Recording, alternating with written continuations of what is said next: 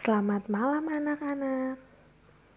Selamat bergabung dalam siaran Dongeng Sebelum Tidur. Sebelum mendengarkan dongeng, Ibu mau tanya, apakah anak-anak sudah gosok gigi? Wah, hebat, sudah gosok gigi. Bagi yang belum, Jangan lupa untuk gosok gigi ya. Nah, sekarang waktunya kita untuk dongeng sebelum tidur.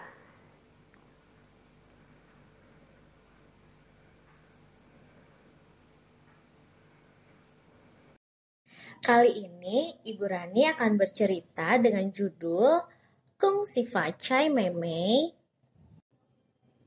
Halo teman-teman, nama aku Mimi. Hari ini adalah hari perayaan Tahun Baru Imlek.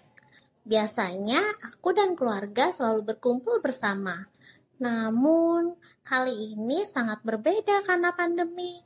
Oleh karena itu, aku hanya merayakan di rumah saja bersama mama dan papa. Pagi ini, aku sedang membantu mama untuk menyiapkan makanan. Mama, hari ini aku merasa sedih. Kenapa kamu sedih, Mei? Hmm, Ma, biasanya kan kita selalu ke rumah Ama dan Akong untuk makan bersama. Mei, jangan sedih ya. Kan kita bisa lakukan di lain waktu. Karena kita harus tetap menjaga kesehatan agar Ama, Akong, dan kita semua tetap sehat dan tidak terkena virus corona.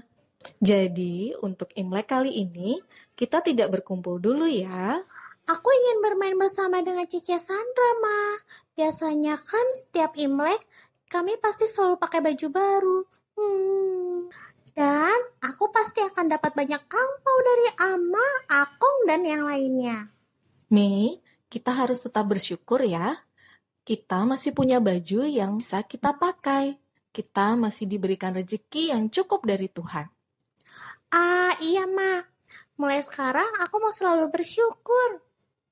Bagus itu, Mei. Oh iya, ini ada hadiah angpau dari Ama, Akong, dan juga hadiah dari Cece Sandra. Wah, asik. Mama, yuk kita video call Ama, Akong, dan Cece. Aku mau mengucapkan terima kasih.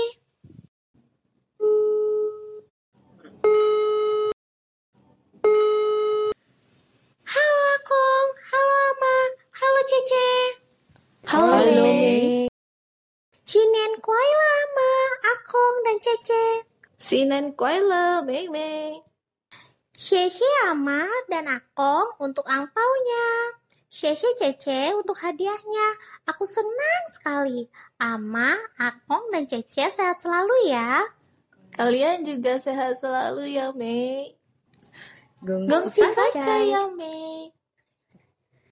Anak-anak, dari dongeng yang kita dengar tadi, kita diingatkan untuk selalu bersyukur dengan apa yang kita miliki.